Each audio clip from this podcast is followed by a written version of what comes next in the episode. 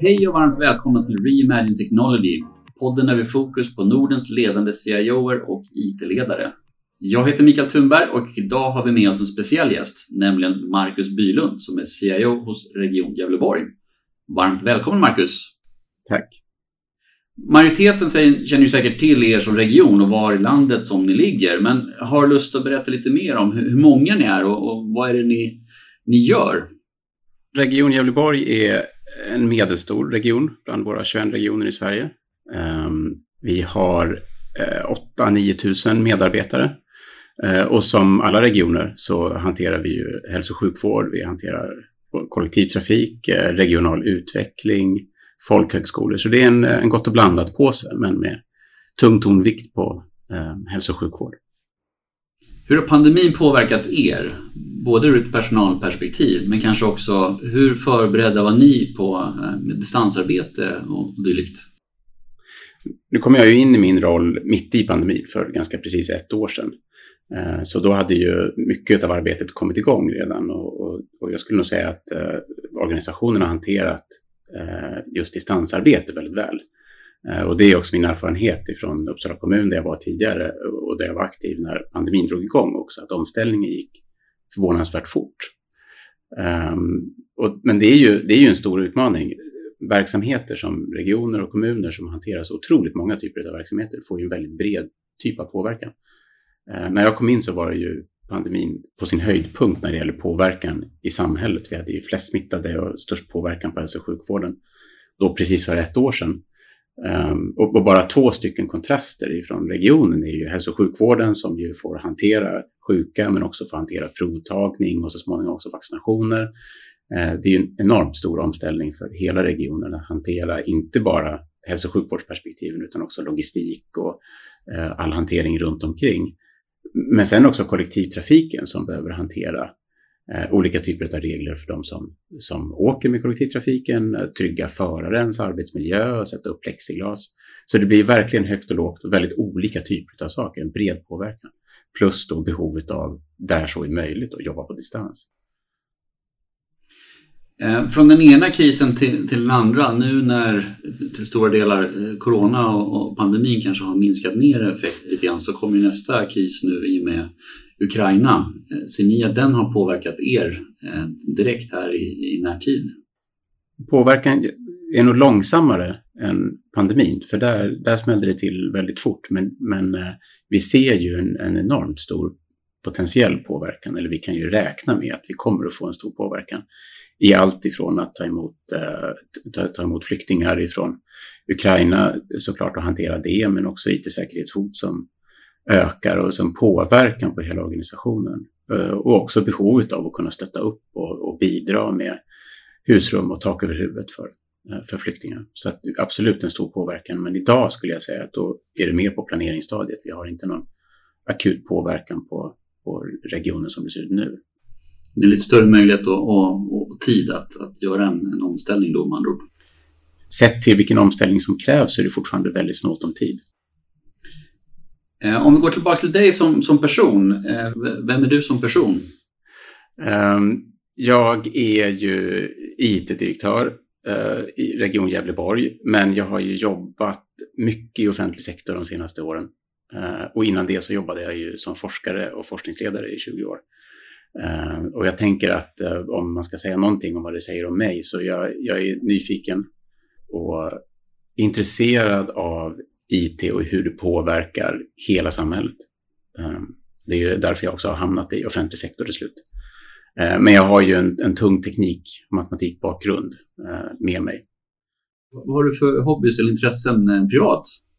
Familj såklart. Jag har fyra barn, fru, massa djur, höns och hund och två kaniner. Ehm, det är klart att det är, privat så är det den största delen av mitt liv.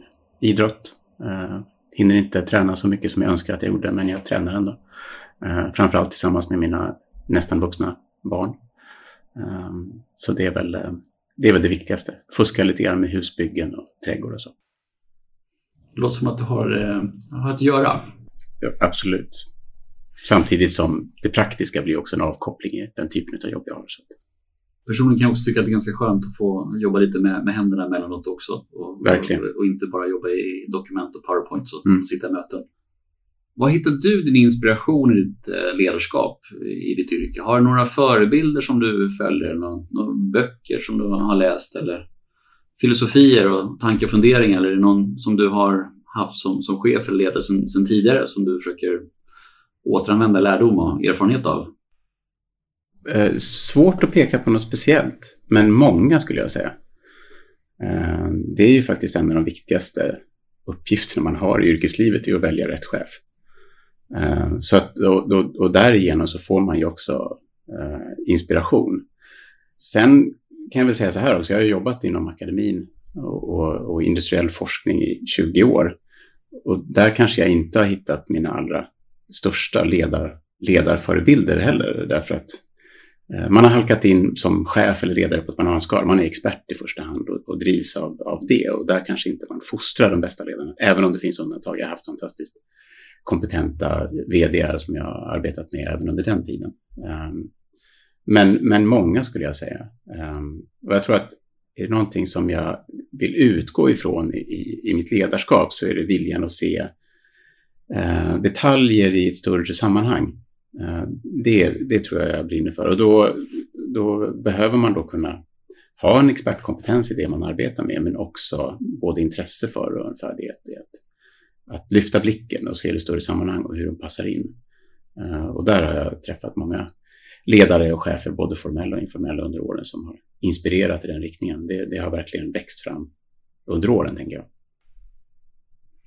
Om du ser tillbaka på din karriär, vilka större vägval har du gjort och hur har du resonerat där? Till exempel att du har din forskarbakgrund då, som mm. tagit kliv från det. Vad var det som fick dig att ta det steget?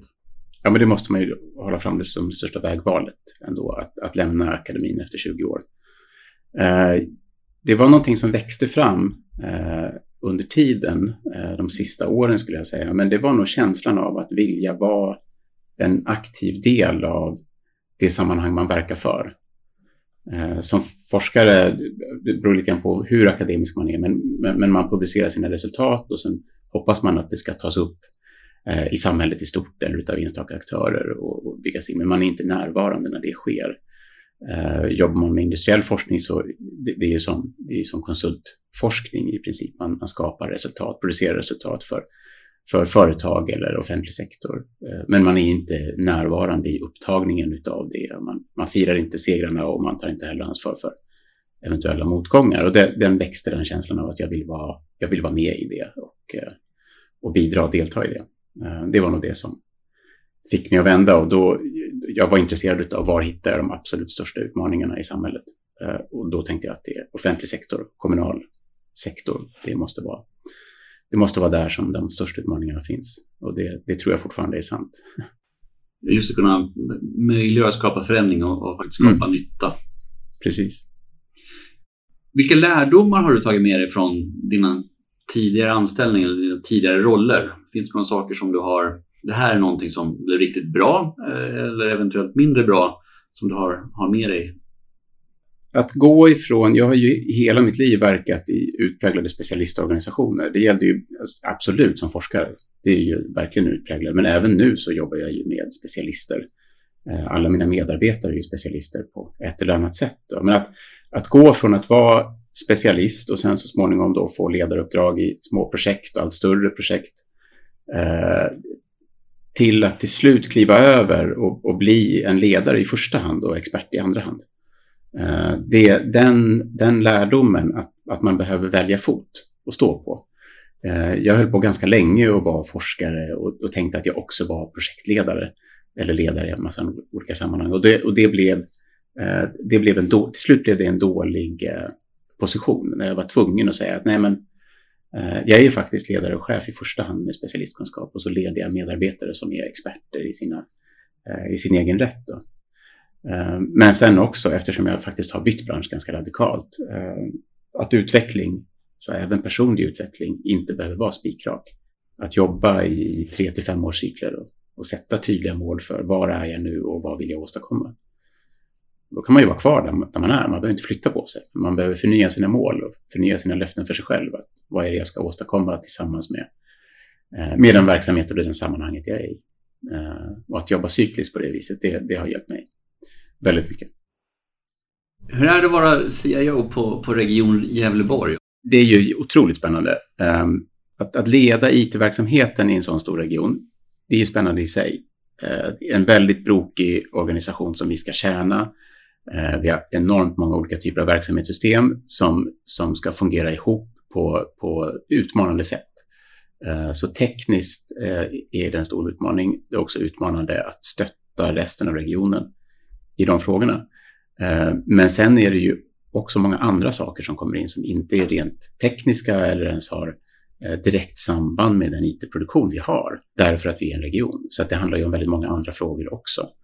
Eh, så samverkan med, med, med läkare, samverkan med professionen överhuvudtaget för att förstå den miljön. Så det är en enormt bredd i, i, i de arbetsuppgifter jag har och inriktning på de möten vi bygger mycket, bara så, sitta i styrgrupp över, över stora eh, byggprojekt av nya sjukhusbyggnader. Det är ganska långt ifrån min kärnverksamhet, men någonting som, eh, som ingår i mitt arbete också.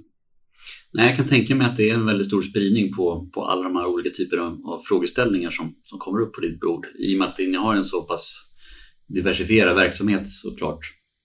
Om man tittar tillbaka lite grann på er organisation eh, för, Region Gävleborg, vad, vad, har ni för eh, större strategiska initiativ på gång framåt? Eh, det finns ju en av de här visionerna för e-hälsa för 2025 bland annat. Vad, vad, har ni, vad kan du säga om det? Ja, men om man tittar på organisationen som helhet så har vi ju, precis som alla andra regioner och kommuner och stor del av offentlig sektor, stora utmaningar. Vi behöver ganska snart göra eh, mer och bättre för mindre resurser. Eh, och där digital omställning är ju ett av, av många verktyg för att realisera det. Eh, och då behöver vi ju dels ha en bra teknikbas, vi behöver ha en bra, väl anpassad, framåtlutad infrastruktur att utgå ifrån. Eh, men sen behöver vi också jobba med hur driver vi den typen av utveckling? Hur säkerställer vi att utvecklingen sker i verksamheten med stöd av IT-resurser och inte som man fram till ganska nyligen i, i, i breda lager i offentlig sektor drev alltså, teknikmässigt eh, att köpa system snarare än att driva verksamhetsutveckling. Så där är det ju två stora utmaningar, att skapa bra tekniska förutsättningar eh, och att säkerställa att man har ett ledarskap och en utvecklingsprocess som är verksamhetsdriven. Eh, det tror jag det är väl de, de största utmaningarna och, och, i synnerhet om vi tittar på hälso och sjukvård och de mål som finns med i eh, Vision e-hälsa 2025 så handlar det ju väldigt mycket om att, att, eh, att tillgängliggöra vården eh, för medborgarna på ett bättre sätt. Att göra vården mer effektiv, Eh, att kunna möta de behoven som finns och den variationen i det som finns. Och där har vi ju många stora, tunga initiativ, men också ganska små. Det är ju en brokig verksamhet. Allting löses ju inte med enorma stora verksamhetssystem, utan ganska många hanterar vi ju också i, i, i små, med ett fåtal användare och ett fåtal patienter. Offentlig verksamhet eh, är ju lite intressant på många olika sätt, men vissa delar kan man ju göra själv inom den egna organisationen, men en väldigt stor del utifrån min erfarenhet i alla fall handlar väldigt mycket om samverkan med, andra typer av offentliga myndigheter och, och, verk och andra regioner och sånt där.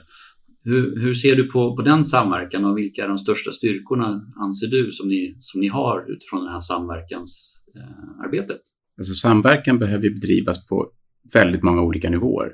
Eh, tittar man lokalt på IT-verksamheten så kräver det ju eh, en stor portion samverkan. Det är ju en, en utpräglad matrisorganisation internt där vi jobbar tvärs våra, eh, alltså våra eh, verksamhetslinjer. Eh, sen krävs det ju en stor samverkan internt inom regionen mellan inte bara då IT och verksamheterna utan IT och, och, och juridik, informationssäkerhet, inköpskompetens och så vidare. Så det är ett annat samverkanslager som kräver sin struktur.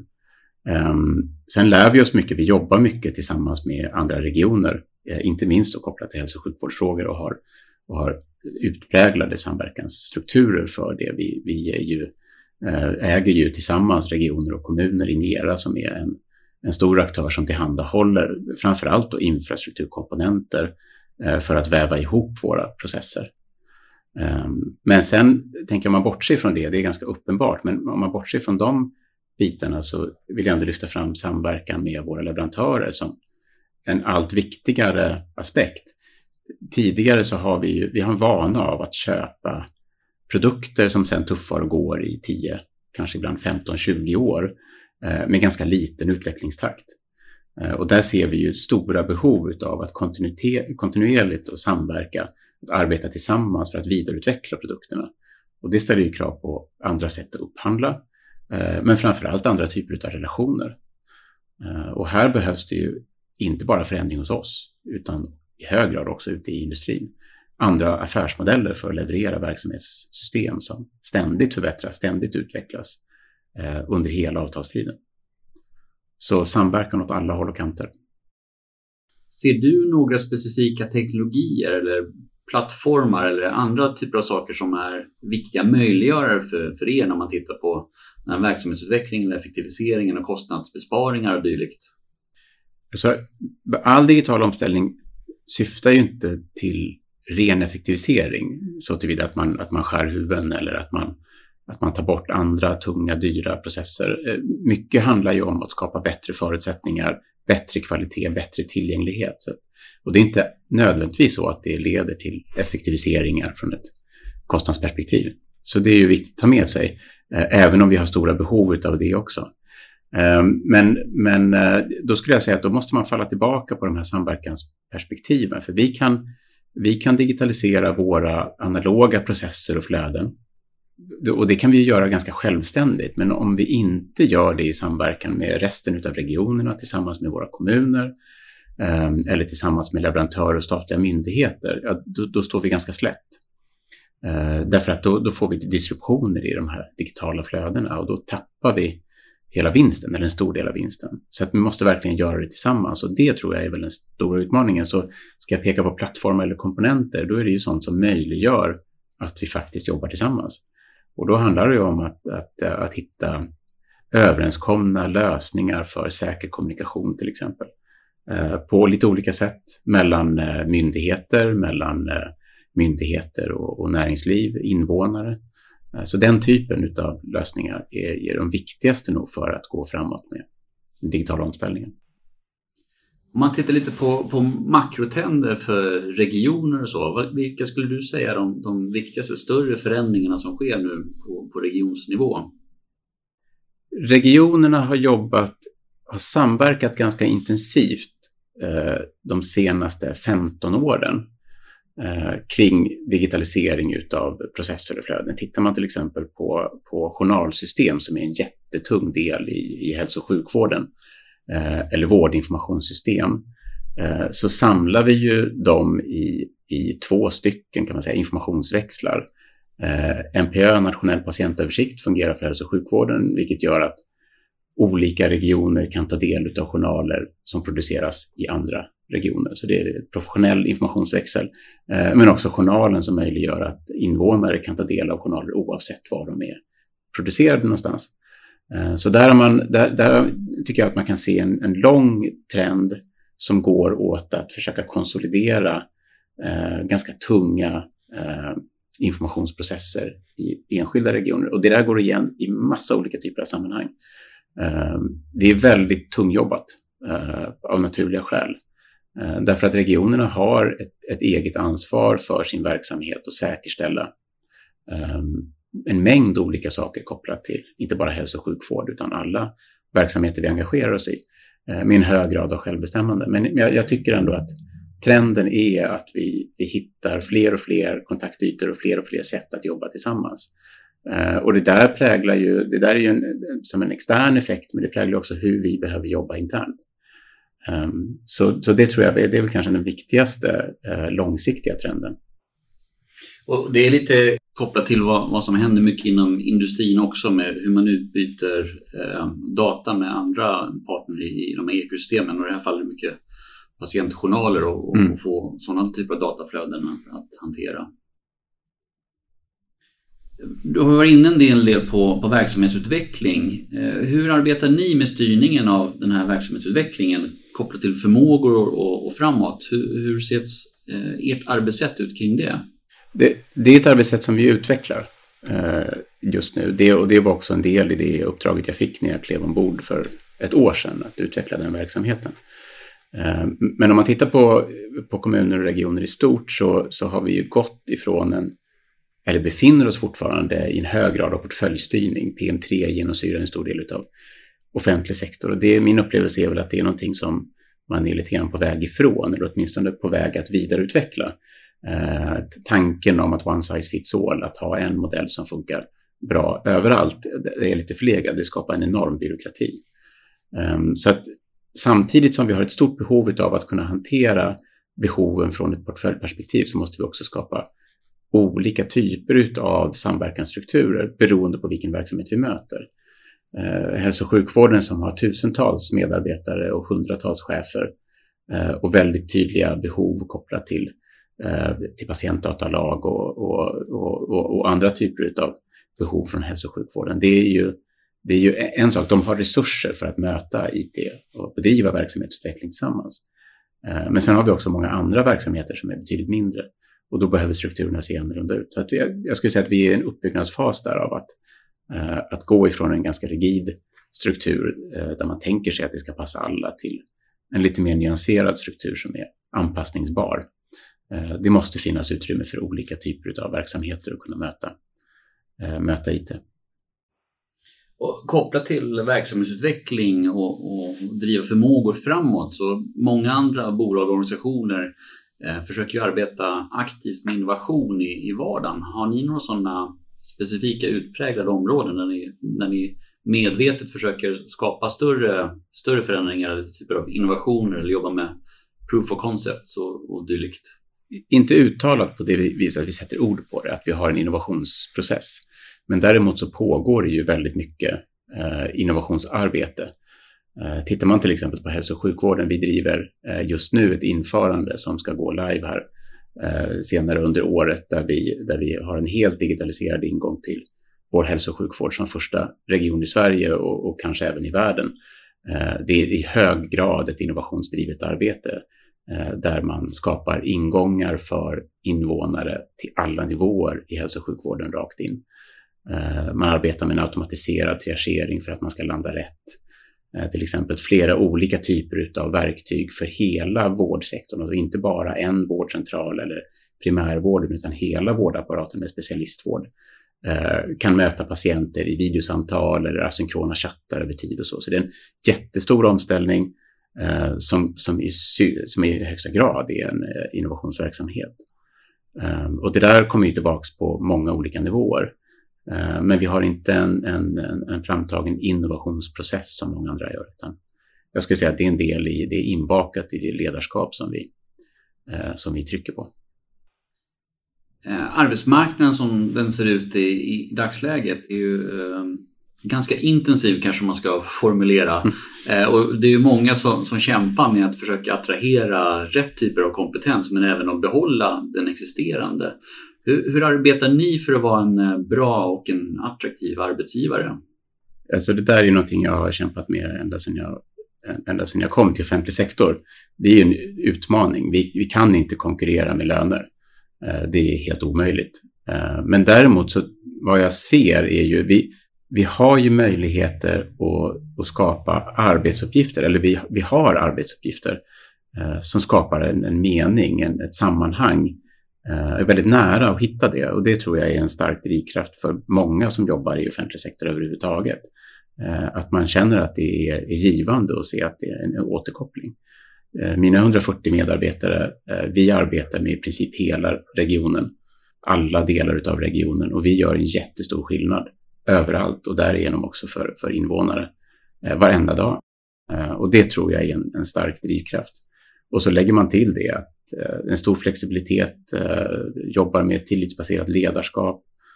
Eh, det är en väldigt hög arbetstakt, men jag upplever nog ändå att det är friare än vad jag kan se att det är på många andra platser i, i näringsliv och industri. Så ett par, ett par guldkorn som finns med där för att kompensera lönesidan. Hur arbetar ni med den interna kundupplevelsen? Det som vi brukar benämna som employee experience framåt. Ehm, arbetar ni någonting aktivt med, med den? Ja, vi, och vi försöker också utveckla den. Ehm, om man tittar på traditionellt eh, hur vi har mätt vår, upplevelse för våra verksamheter utav använda IT-produkter. Då är det ju tillgänglighet, upptid, eh, svarstid i support och så vidare. Men om vi nu går över till att, att utöka våra stödfunktioner kopplat till verksamhetsutveckling eh, och också gör den lite variabel så att den ser olika ut beroende på var man befinner sig i organisationen. Då behöver vi också utveckla eh, hur vi mäter eh, vår framgång och hur vi, hur vi själva upplever den. Eh, så det pågår eh, ett sådant arbete, men där är vi inte hemma riktigt.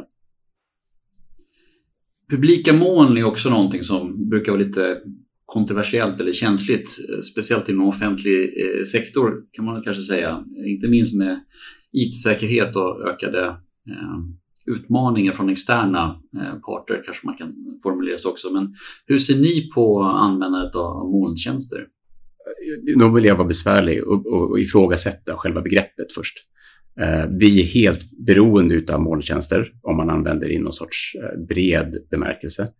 Men eh, molntjänster i sig är ju inte kontroversiellt vare sig i offentlig sektor eller industri, utan det är ju det är själva utkontrakteringen av arbetsuppgifter och information det är ju den känsliga biten. Sen om det är tekniskt löst som en molntjänst eller om det är en, en lösning som driftas av en leverantör. Här finns det ju en mängd olika typer av alternativ. Men den känsliga biten är ju att utkontraktera hanteringen av känslig information som, som regionen har ansvar för.